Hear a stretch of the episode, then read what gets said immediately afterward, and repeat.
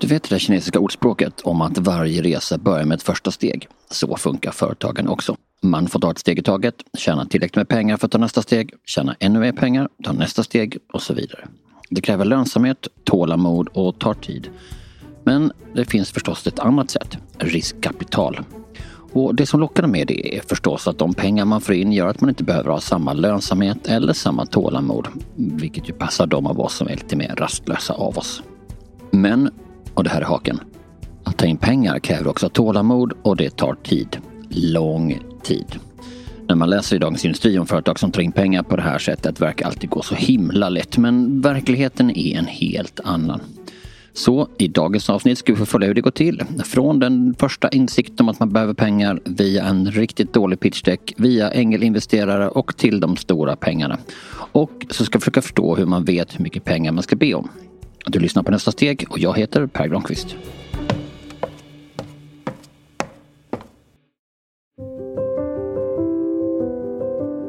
Den 19 januari 2020 rapporterade Dagens Industri att Elsa Science tagit in 20 miljoner kronor från Norrsken Venture Capital.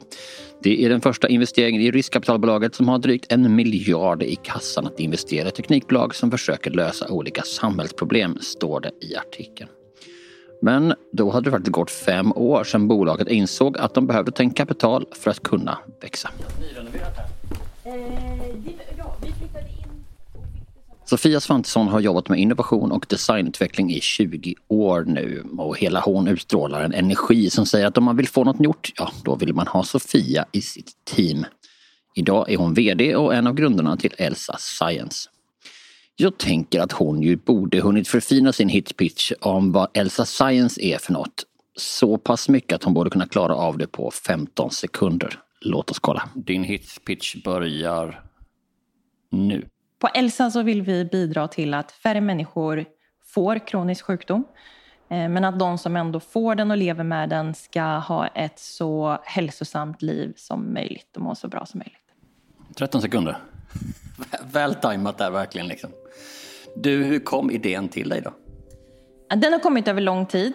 Eh, de två professorerna som jag har grundat Elsa tillsammans med, de lärde jag känna 2012. Eh, och det är Lars Klareskog som är professor i reumatologi på Karolinska institutet och Lars Alfredsson som är professor i epidemiologi också på Karolinska. De hade bildat en stiftelse som heter Riskminder vid den här tiden tillsammans med Hans Rosling faktiskt som bildade Gapminder och sen så bildade de här tre Riskminder med visionen om att demokratisera forskningen, eh, den medicinska forskningen, att se till att den var tillgänglig för människor i samhället. Och det låter ju vettigt. Frågan är bara hur man ska se på potentialen. Det som jag tycker är den stora potentialen för Elsa det är att eh, man kan göra diagnostik och behandling för patienten väldigt personlig. Olika personer är olika. Det här är Lars Klareskog, en av de där två professorerna som Fia pratade om nyss. Han var under 2011 ordförande för Nobelförsamlingen vid Karolinska institutet, alltså de som utser pristagaren i medicin. Så han har ju en viss känsla för vad mänskligheten behöver på det medicinska området. Då har man olika mål med sin behandling och eh, man har olika genetik, man har olika möjligheter att svara bra på olika behandlingar. Och nu lär vi oss mycket om detta i vetenskapen, om hur man ska individualisera behandling. Men det är väldigt svårt att komma ut till den enskilda patienten och den enskilda doktorn. Och då behövs helt nya verktyg för detta. Så de två professorerna Lars och Lars ber Sofia, som då jobbar på en konsultfirma, att kolla på hur ett sådant verktyg skulle kunna se ut. Och även om de kanske inte förstod exakt vad hon gjorde så förstod de att hon gjorde det bra och de gillade henne. Klickade ni direkt? Eh, jag gillade henne direkt, ja. Så uppdraget de ger till Sofia är att svara på en fråga. Hur kan det här bli digitala verktyg där man omsätter den här forskningen till uh, vad vi kallar actionable data? Så där började vi jobba i ett väldigt, väldigt litet projekt med lite Vinnova-pengar som sen då har vuxit över tid och idéerna kring det här har blivit mycket, mycket tydligare. Men under tiden blev det också tydligt för Sofia att det här kanske var något för henne. Att hon kanske borde lämna den där konsultbyrån och jobba med det här på heltid. Och någon gång 2015 så sa jag till Lars och Lars, om det här ska bli någonting på riktigt så måste vi starta ett bolag och bygga det här med kapital. Frågan är förstås hur två akademiker reagerar på en sån framåtfråga. Men när hon sen ringer till er vid något tillfälle och säger hörni, grabbar, vi ska starta bolag. Vad, vad, tänker du kring det? För du är väl ingen bolagsfigur? Nej, jag har ju arbetat hela mitt liv i akademin och sjukvården. Eh, däremot har jag ju samarbetat i väldigt många år med eh, läkemedelsföretag och biotechföretag och diagnostiska företag och så vidare. Men eh, jag tycker nog att det är viktigt att eh, skapa bolag, men jag är ingen bra på det. Jag har inte gjort det. Så det var väl, jag, jag tyckte att det var otroligt bra att Sofia skulle göra det. Jag var inte kapabel att göra det. Men framförallt såg de att kombinationen av deras analysförmåga och Sofias driv skulle kunna resultera i att deras forskning äntligen skulle kunna omsättas i praktiken. Och min förhoppning är att Elska ska kunna bli ett sådant verktyg som sitter i patientens händer. Så Lars och Lars och Sofia startar bolag. Och redan från början så vet de att de behöver pengar för att utveckla idén. Ja, och det här är ju intressant med tanke på eh, det här med varför tar man in riskkapital överhuvudtaget. Antingen så har du en idé och du har eget kapital. Du har x antal miljoner som du kan lägga under några års tid för att bygga upp den här produkten så att den är så pass realistisk och verklig att den går att eh, Eh, förmedla och tjäna pengar på. Då behöver du inget riskkapital. Men har du inte det så måste du då antingen bootstrappa stenhårt. Och det här är investerarlingo. Enligt Investopedia så räknas det som bootstrapping när en entreprenör bygger ett bolag på pengar som inte kommer från externa investerare. Det kan alltså vara pengar som de själv sparat ihop, lön från något annat ställe eller genom att försöka leva på intäkterna. Det här är förstås det vanligaste för de allra flesta företag i Sverige. Men i riskkapitalvärlden kallas det för att bootstrappa när man alltså inte tar in externt kapital. Men har du inte det så måste du då antingen bootstrappa stenhårt och vara ett gäng som är beredda att jobba utan ersättning i flera år innan du når den punkten. Eller så behöver du ta in riskkapital för att kunna jobba snabbare och kanske ha möjlighet att hitta ett team som faktiskt har råd att satsa på det här.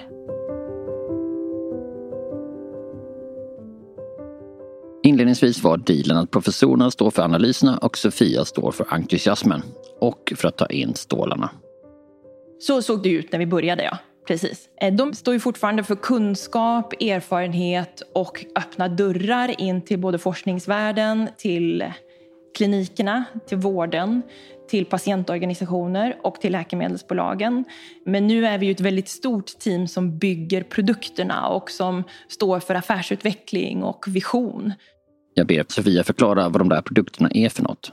Det finns egentligen två produkter. Den ena är lanserad och det är den här självmonitoreringsverktyget för människor med reumatisk sjukdom. Men vi har också byggt en screeningtjänst som handlar om att hitta människor mycket, mycket tidigare som har symptom på reumatiska sjukdomar och få dem snabbare in i vården, få dem snabbare till diagnos. Och visar det sig dessutom att de faktiskt inte har utvecklat sjukdomen fullt än så handlar det om att sänka den risken för att de ska få sjukdomen.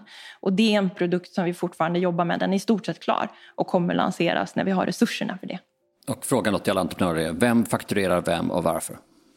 I dagsläget så fakturerar vi läkemedelsbolag för att de kan finnas med på den här plattformen och då handlar det framförallt om det här självmonitoreringsverktyget där vi stöttar människor som redan har utvecklat en reumatisk sjukdom.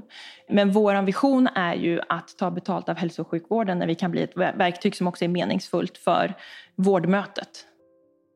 Låt oss backa bandet till 2015 när Sofia ska börja skaffa pengar.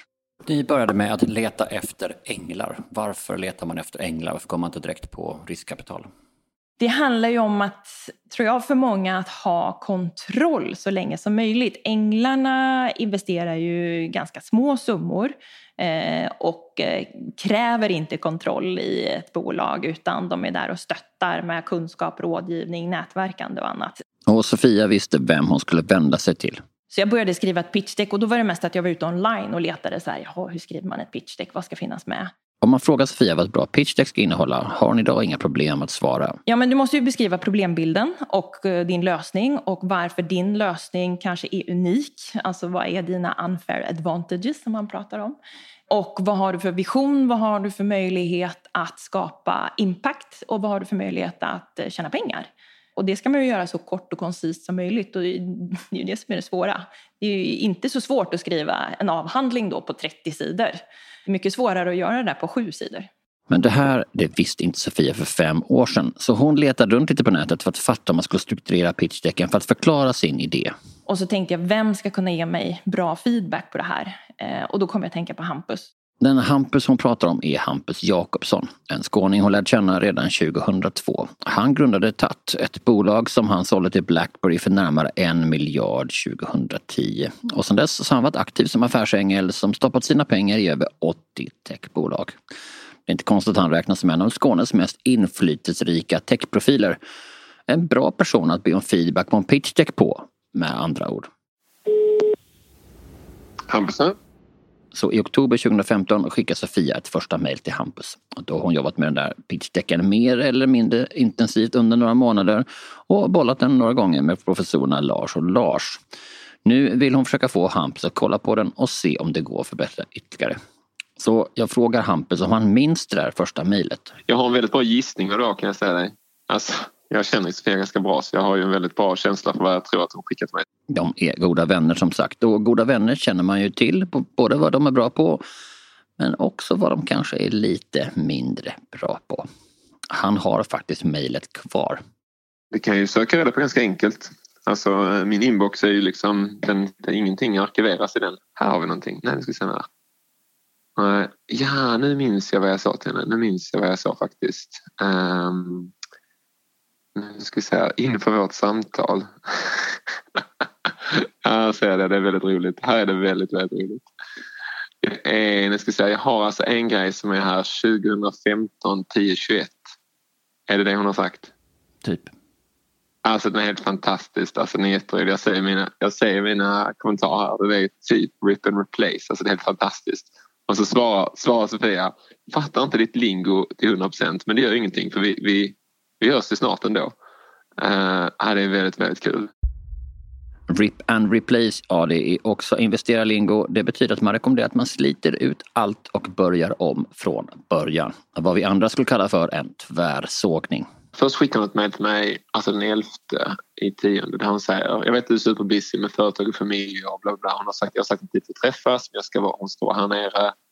Hon håller på att bygga ett, ett patient participator program som heter e.l.s.a och redan där känner jag bara, åh nej, varför hon, vad är det här med punkter? Ja, som du kanske fattar nu så är Hampus också känd för att vara väldigt rak och ärlig i sin feedback. Och så säger jag att det är klart att vi hinner träffas på något sätt. Och sen så säger hon, men nu har jag skickat den här och så tittar jag på den här första grejen och då är den, ska säga här. Det är så mycket text i den så att alltså man skulle kunna trycka en bok av det här. Uh, det är så otroligt mycket text. um, uh, och den är, det är massa sådana här um, business model canvas också som jag har väldigt, jag är väldigt allergisk mot och value proposition maps. Många saker som jag känner bara, jag tror inte världen funkar så här liksom. Uh, och det är väldigt, väldigt mycket om de här professorerna Uh, och då svarar jag henne så här. Jag sa så här, seriöst så när jag läst den här så känner jag att jag fortfarande inte fått basics besvarade. Men det är väldigt, väldigt mycket material och det känns alltid jobbigt. Så liksom, det känns som att det står mycket fel här. Och sen säger jag, jag hade tagit bort business model canvasen och value propsen. Teamet, läkarna, liksom, ska de vara advisors operationella? Produkten, behövs så många slides, kan man inte bara ha det på en slide? Team, finns det liksom andra personer eller är det du och några advisors? Och sen säger jag, femman här. Vad händer nu? Jag läser om och om igen. Undrar om ni har gjort en massa konsulting och koncept eller om ni har en produkt som fungerar. Och var är ni i deployments och traction? Har ni tre glada kunder plus 5 000 användare och ska ni öka dem 20% per månad? Eller var är ni? Ehm, prata gärna med er imorgon. Här skriver hon en ny version till mig och svarar på den här frågan såklart. Och så frågar jag hur mycket pengar ska ni ta in? Det står 1,2 miljoner dollar på en sida. Det känns väldigt mycket som en plan och inte så mycket nu, det här ska vi göra. Det känns väldigt mycket distraktion med väldigt mycket kompetenta människor men det känns väldigt svårt att förstå vad ni ska göra. Och där, då säger hon, nu, nu, liksom, där, det är där hon svarar, jag fattar inte ditt lingo men vi hörs ju snart. Poängen då till Sofia för den optimismen och entusiasmen. Att ha en för omfattande pitchdeck är ett vanligt nybörjarfel. Och när Sofia nu kollar igenom sin gamla däck så ser hon vad hon gjort för fel. Det här är ju snarare sånt då som forskningsinstitut tycker så här, oh det här är jättebra att söka EU-bidrag med. Men du söker inte pengar från en investerare med den typen av approach. Men i ärlighetens namn, allt var inte bara hennes fel. Vi var säkert medskyldiga från vår sida att det blev en avhandling istället för ett bra pitchdeck, det är jag övertygad om. Lars Lars vill ha typ fotnötter i pitchchecket. Och att vara noga med källhänvisningar, ja det är ju inget problem. Men när man ska förklara en idé lite snabbt och skaffa pengar, ja då är det kanske lite too much. Ja, och dessutom vill man alltid ha reservationer eftersom man säger att nej, det här är inte säkert och det här kanske går, vi ska försöka, vi får se hur det går och så vidare. Så det är ju som vi är vana att uttrycka oss. Eh, så att på det sättet så...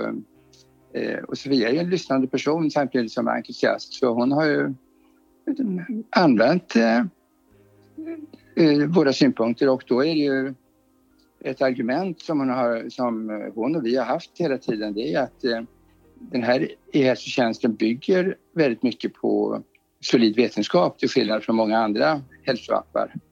Det gäller för henne att ha en bra kompromiss mellan entusiasm och eh, beskriva möjligheter på ett sätt som en investerare kan förstå på väldigt kort tid och att det samtidigt inte blir fel från en vetenskaplig synpunkt. Så det var väldigt bra att få feedback från Hampus. Så Sofia, hon gör om. Hon ber fler personer om råd, hon tar hjälp av andra som bollplank och efter några månader så trycker hon på sändknappen till Hampus igen. Version 2. Det var ganska mycket bättre. Och sen så om jag minns rätt så var jag ganska mycket ute ur loopen. Alltså, jag kände att hon fixade det här rätt bra nu. Så pitchdecken är äntligen klar och Sofia är redo att pitcha den till riktiga riskkapitalister. Och hur det går får du reda på efter det här.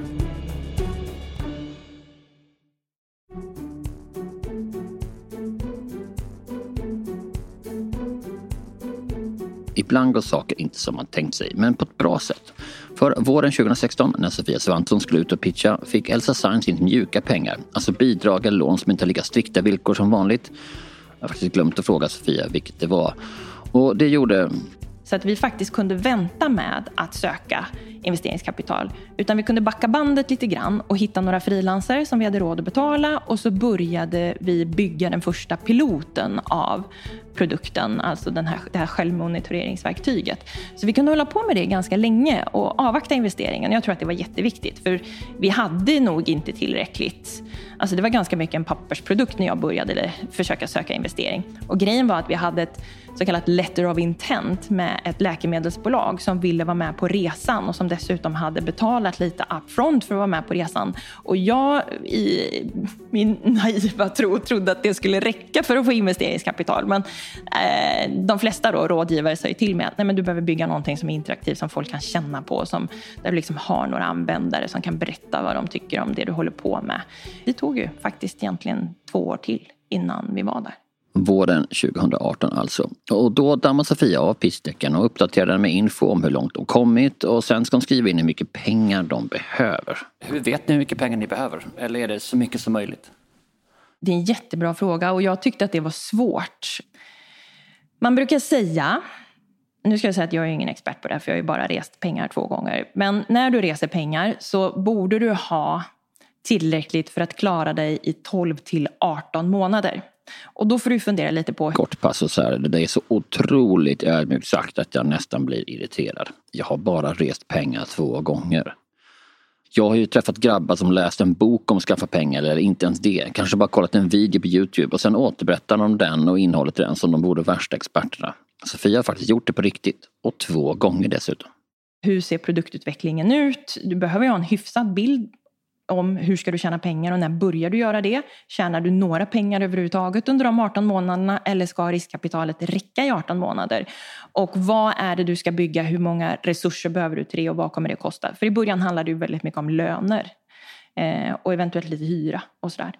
Så det gäller att ha en vettig bild av det och sen titta på vad kostar det att liksom driva det här i 12 18 månader.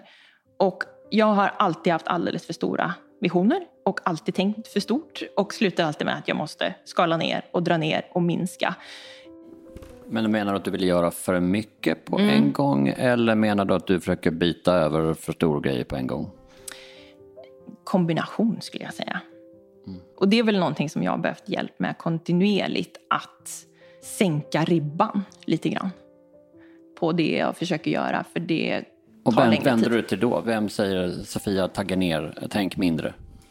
Dels gör de första investerarna som du träffar som ser att eh, ja, men om du går ut och tror att du ska kunna resa 20 miljoner i din 20 miljoner svenska kronor i din så kallade pre-seed som vi kallar den första rundan. Och sen vet du att det kommer sluta med mindre än hälften antagligen när du är klar. För då kan dels investerarna har berättat för dig att eh, ditt bolag också kanske värderas till mycket mindre än vad du tror och hoppas. Och så stora andelar som de här 20 miljonerna skulle innebära, det är ingen som vill ta så stora delar av ett bolag i början för att det är ju ingen investerare som vill ha ett majoritetsägande i ett litet bolag för då blir du ju liksom totalt ansvarig för det. Och det vill man ju inte. Man vill inte äga för mycket. Man kanske inte vill äga mer än runt 20 procent. Och då blir det till slut en kombination av ja, vad tror vi att vi kan värdera bolaget till? Vad innebär 20 procent? Hur mycket pengar är det och vart räcker det någonstans? Det här är ju intressant. Investerarna vill inte ha för mycket andel i bolaget för då känner de att de har allt för mycket ansvar. Jag som alltid trott att de vill ha för mycket per default. Hur som helst.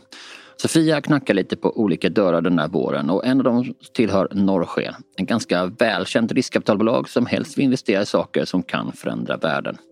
Det här kallas för Impact Investing och Norrsken har ungefär en miljard att investera.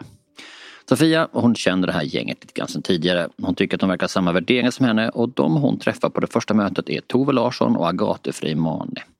De jobbar både med att screena potentiella bolag att investera i för en del entreprenörer är ju investeringsrundorna väldigt jobbiga. Så mycket att man fasar för dem lite grann. Och här talar jag av egen erfarenhet faktiskt. Men Sofia hon är inte alls den där sorten. Alltså jag gillar ju det här. Jag som är en obotlig tävlingsmänniska går ju in i de här situationerna, de här jag ska vinna. Och vad innebär det att man ska vinna? Jo men framförallt så handlar det om att man vill få ett positivt gensvar. Jag har ju förstått att varenda investerare du träffar kommer inte säga så här halleluja och vi vill investera och det är inte riktigt det det handlar om men det handlar om att göra ett bra möte och att få dem att förstå storheten i det vi gör. Och då frågar man sig, fattade Norrsken storheten i det som bolaget Elsa gör? We walked into the meeting room and then the pitch happened and the pitch I still remember very well. Det här är Agate Frimane som pratar it struck me that uh, it was obviously still a very early stage business. I mean, at that point in time, she only had a pitch deck, but the way she presented and talked through it was so clear. I mean, the, the vision of what this could become was very, very clear to us. Även om Sofia tyckte att de kommit ganska långt med Elsa Science uppfattade alltså inte Agathe det. Eller så minns hon det inte. Eller så såg det inte ut så ur ett investerarperspektiv. Det var Sofia och hennes idé som de framförallt gillade. Och den där pitchdecken som Sofia jobbat så mycket med, ja, Agathe minns det nästan inte alls. Men det var inte det som var det viktiga. But of course, the minute she walked into the meeting room, I mean, her credentials and her past experience speaks for itself. But I think the key when we know when someone's for real is that when you know that at first it's just you and a pitch deck but she already had built around advisors she had the research professors on board and that whenever we asked questions and of course you hadn't started to build the business yet. So... Låt oss sätta det här i perspektiv. I Hampus första mejl till Sofia så skrev han att han fattade inte idén, han förstod inte hur stort teamet var, han förstod inte hur långt de hade kommit och han försökte få henne att fatta att hon måste ha korta, tydliga svar på allt. Nu, nästan tre år senare, så stod hon inför Europas största investerare i sitt fält. Och den här gången hade hon svar på allt. But she had very clear answers to to all the different questions and that's when you know that someone's for real they really have done their homework they have researched the space and and at least they have a base plan of how things are going to work and of course that plan is going to change 10 times over. And... Agathe förstod att allt kan ändras och att en färdig affärsidén kommer se helt annorlunda ut än när den lanseras än vad Sofia pitchade den där dagen. Så jag frågade henne hur snacket gick mellan henne och kollegan när Sofia hade lämnat rummet. We clearly think that she's onto something. First, very impressive founder. Seems like a very interesting field and, and and secondly they seem to have a real edge and and that's what we ultimately as an investor look for. We look for that edge and and in sophia's case like the edge was twofold. One that you know she was combining herself coming from this user experience side of things where she really for most of her career has been focused on how to put content in front of people in a very easily and digestible way. But on the other hand she had the partnerships with the uh, with the research professors and and it was the beauty in combining the two and and that that became her edge to to be able to combine the science with the best practices of user experience. Because often founders tend to have one or the other one but but what made her different was that she had both. Sofia hade något annat också.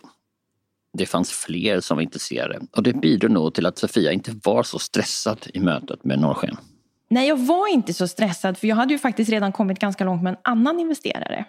Eh, och egentligen till och med två. Så man kan säga så här att den första rundan, den var lite täckt. Varav den ena investeraren, eh, en finländsk investerare, hade sagt vi vill investera men du behöver hitta antingen en investerare till eller x antal änglar. Och då hade vi faktiskt också redan börjat tala med investerare nummer två som är isländsk som var hade inte sagt ja riktigt men var väldigt intresserad av att gå med. Och sen, ja, sen fanns det förstås också änglar. Och sen som jag minns rätt så vände hon sig plötsligt till mig och sa liksom, eh, ja men ska du investera då? Eh, och jag, om jag minns rätt så sa jag typ i stort sett att jag, kan ta, alltså jag kan ta en liten bit, det är liksom inte jätteviktigt. Jag har inte tid nu, nu för jag var mitt uppe i massa andra grejer. Men jag, så jag vill liksom inte leda runda och jag vill liksom inte vara den som är huvudansvarig eller någonting. Men liksom, om du ändå gör det här så är det klart du kan inkludera mig. Och då var det ingen pitch deck den gången utan det var typ ett sms? Det var typ ett sms, ja, absolut. Ja, exakt, det var absolut ett sms. Och det här är faktiskt också ganska roligt. Att Hampus som hjälpte Sofia första gången att få ordning på det här pitchdecket som hon sedan ägnat så mycket tid åt att förfina. Att det är han som får en förfrågan via ett sms typ. Hur som helst. Sen gick det faktiskt ganska fort och fler ville investera och hur det nu var så var inte norrsken fullt så snabba som man skulle kunna tro. Så Sofia fick ringa ett jobbigt samtal. Jag tyckte att det var superjobbigt. Eh, för jag gillar inte att... Nej, det var en jobbig situation för mig helt enkelt. Bara. Jag fattar inte varför den är jobbig. Jag tycker att det var jättetufft att säga till någon som man uppskattar, som man ser är en väldigt bra match. Eh, att säga nej till deras pengar i det läget. Eh, det kändes inte alls roligt och jag tänkte också så här, bränner jag en bro här nu? Eh, men sen har jag ju lärt mig att det kan vara tvärtom, att du kanske stärker den där bron istället. Men jag hade för lite erfarenhet för att förstå det då, så jag tyckte att det var jättejobbigt.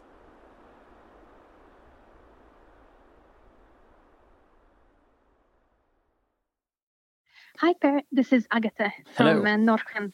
I'm so sorry for calling you back late. Ibland är man lite sent på bollen och då missar man chanser. Så jag kollar med Agate hur det kändes att få det där nejet från Sofia. Was it a tough call for you as well or was it that sort of business as usual? I mean of course it's a two-sided you never want to get the no and when we got the no we said well of course you're not happy to get a no but we knew from the very beginning that it, it was not part of our core strategy that it would have been an exception uh, to back someone extra extra early in their journey. So you weren't that sad about it as long as you were part for the next journey? No i'm no of course you were sad but uh, as well at the vc world i mean you know that once you have uh, like you're just happy that you have found this founder and this business opportunity and, and you obviously have them on your radar and you sort of knew that uh, that another opportunity is going to come ar- come around and and in, in some ways you will just have more information later on to to assess them on. Och det var faktiskt det som hände. Ett år senare var det dags för nästa runda och det slutade med att Norrsken investerade de där 20 miljonerna i Elsa Science i januari 2020. Och Sofia hon är jättenöjd med sin investerare. När jag pratar med Agate så är det ju tydligt att hon blev lite starstruck och kär i Sofia redan på första mötet och den känslan är uppenbarligen besvarad. Jag upplever att hon har varit väldigt positiv. Man får väldigt bra... Alltså man får lite bättre självförtroende när man har träffat Agate och Norrsken. Det känns eh, jättekul, för det är inte alltid du får det av att träffa investerare. Och hon har varit väldigt bra på att liksom berömma det vi har gjort bra. Det hon ser är eh, intressant med det här bolaget. Hon säger det. Det känns inte som att hon spelar några spel utan är transparent och öppen med vad hon tycker är bra och vad hon tycker är mindre bra. Så att eh, det har varit eh, ganska ja, men friktionsfritt på det sättet att, eh, att träffa henne. Det här är faktiskt långt från en självklarhet. Jag kan jämföra med telekombranschen en gång i tiden när jag jobbade med både japaner, koreaner och kineser. Eh, hur du hela tiden måste veta vilket spel de spelar beroende på vilken kultur de kommer ifrån och hur olika de spelen är. Det har känts väldigt skönt med Norrsken att det känns inte som att det finns något spel utan vi är väldigt öppna och raka. Och så levde de lyckliga i alla sina dagar. Nej, såklart inte. För ett snabbväxande bolag måste ju alltid tänka på hur man ska finansiera sig. Ja, alltså rundor finns ju alltid tror jag i bakhuvudet på en entreprenör. Och varje runda är förstås unik. Men kanske, kanske blir den också lite lättare. Jag skulle säga att i nästa runda, när jag är ganska säker på att vi har mer bevis på liksom både impact och en lovable product, scalability och alla de här bitarna som är viktiga. Eh, då har du med dig fler verktyg så att säga eh, och mer erfarenhet och mer bevis. Så då tänker jag att jag borde kunna vara väldigt tydlig med vi vill resa så här mycket pengar, eh, det är till den här värderingen och lite är du med eller inte.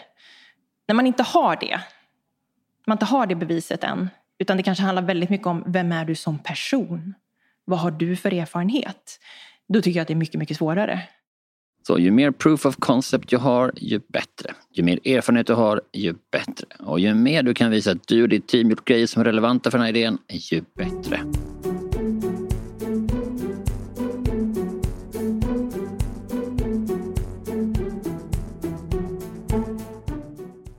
Det finns en massa fördomar kring att skaffa pengar från riskkapitalister och eftersom Almi är vår partner för den här säsongen av podden så får jag ju ringa en av deras experter. Idag är det Jenny Engelfeldt på Almi som jag slår en signal till och jag börjar med att fråga henne vilka som egentligen är de vanligaste fördomarna om investerare hon träffar på. Ja, det är en mängd olika saker tycker jag.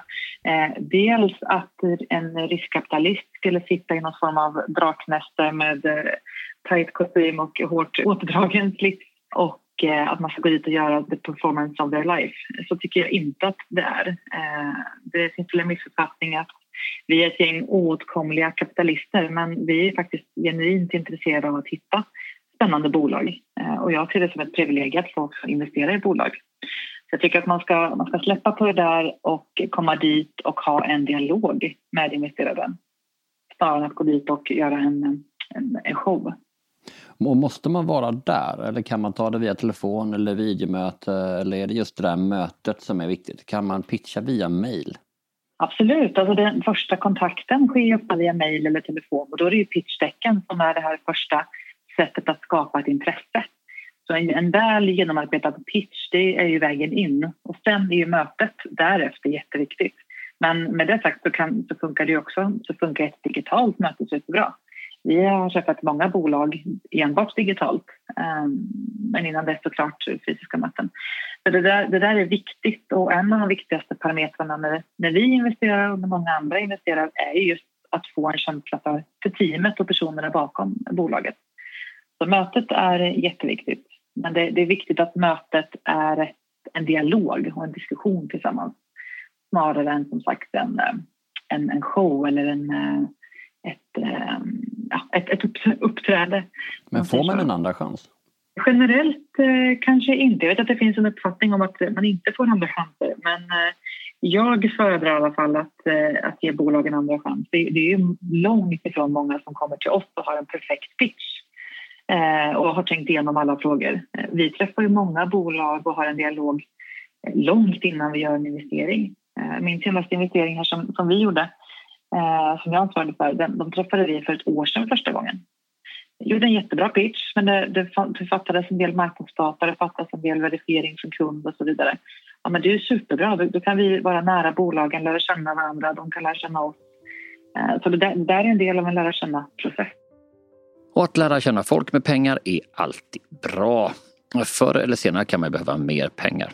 Vill du veta mer om Almi Invest eller vad Almi kan göra för dig ska du gå in på almi.se ta steget. Almi.se ta steget.